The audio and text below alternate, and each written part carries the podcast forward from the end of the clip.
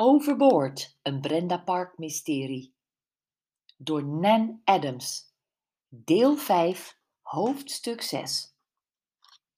Kokhalzend vouwde René zich dubbel over de rand en gaf over.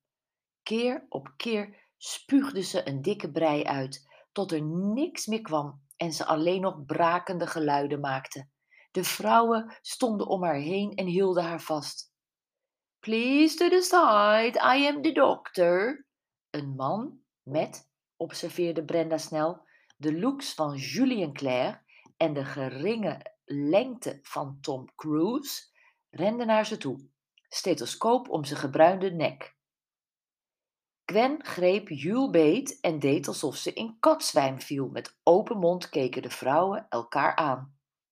Brenda schudde met een quasi misprijzende blik haar hoofd maar ze gaf het meteen toe. Deze man kon zo uit Grey's Anatomy zijn weggelopen. De dokter werd op de hielen gezeten door een van de hoofdstessen van het schip, die een rolstoel voortduwde. René was nu zo slap als een lappenpop en ze werd gauw door de dokter in de rolstoel getild. Hij kiepte de stoel met René half opzij hangend op zijn twee achterste wielen en rende met soepele tred over het dek. Wow, dat ging snel. Brenda krabde in haar nek. Ze draaide zich naar de hostess. Mag ik achter haar aan? Ze hoort bij mijn groepje. Natuurlijk. De hostess gaf Brenda een hand. Mijn naam is Susanna. Ik ben vanavond uw gastvrouw. Komt u mee, dan breng ik u naar de ziekenboeg. Brenda wenkte Jules, Gwen, Victoria en Sophie, die geschrokken bij elkaar stonden. Mijn god, verzuchtte Gwen, waarom word ik zo op de proef gesteld? Ik lurk alleen maar aan het mineraalwater, terwijl alles in mij smeekt om een Bloody Mary of een gin tonic. Alles, als er maar alcohol in zit. Wat voor ramp hebben we nu toch weer? Oh, Gwen, je kunt ook zo overdrijven.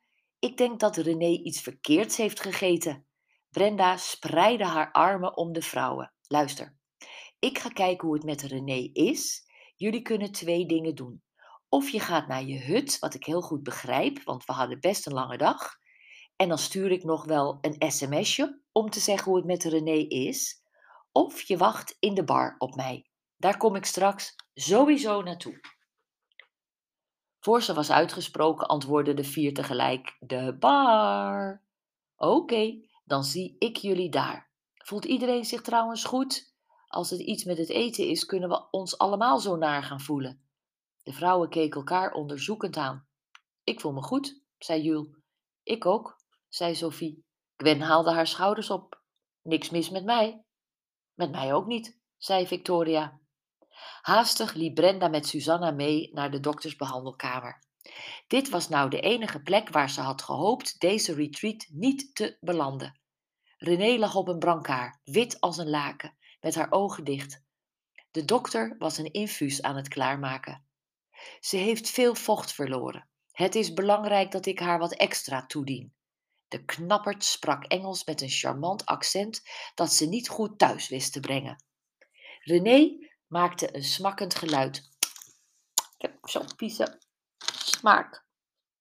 Mag ik wat drinken? kreunde ze zachtjes. Zeker. De dokter voelde de temperatuur van het kraanwater en vulde een glaasje met een bodempje water. Het liefst je mond alleen een beetje spoelen en het water terugspugen. Hoe voel je je, René? vroeg Brenda. Belabberd. Van het ene op het andere moment. René legde een hand op haar bezweten voorhoofd. Brenda keek vragend naar de dokter. Het lijkt alsof ze iets verkeerds heeft gegeten of niet. Voedselvergiftiging, de dokter klonk stellig. Ik houd de dame graag nog even hier ter observatie en tot er meer vocht in het lichaam terug is. Het is het beste als u, hij keek naar René en veegde met een doekje haar gezicht schoon, probeert te rusten. Uw maag is waarschijnlijk nu leeg, maar we nemen het zekere voor het onzekere. Hij legde een dekentje over haar heen. Ligt u comfortabel? Ja. René sloot haar ogen en ademde diep. Susanna, De hostess was achter een computer gaan zitten en keek nu op. Ja, ik zal alle gegevens controleren. Glimlachte. Dat is wat je wilde vragen, hè, dokter? Nadat Brenda alle informatie over René had gegeven, liep ze samen met Susanna terug naar de bar waar de rest van de groep zat. Wat een leuke dokter, fluisterde ze. Ja, hè? Hij lijkt zo weggelopen uit een doktersroman. Knap. En nog heel aardig ook, fluisterde Susanna terug. En ongetwijfeld getrouwd met een schare kinderen thuis. Ja, Susanna lachte geheimzinnig. Dat is voor jou een vraag en voor mij een weet.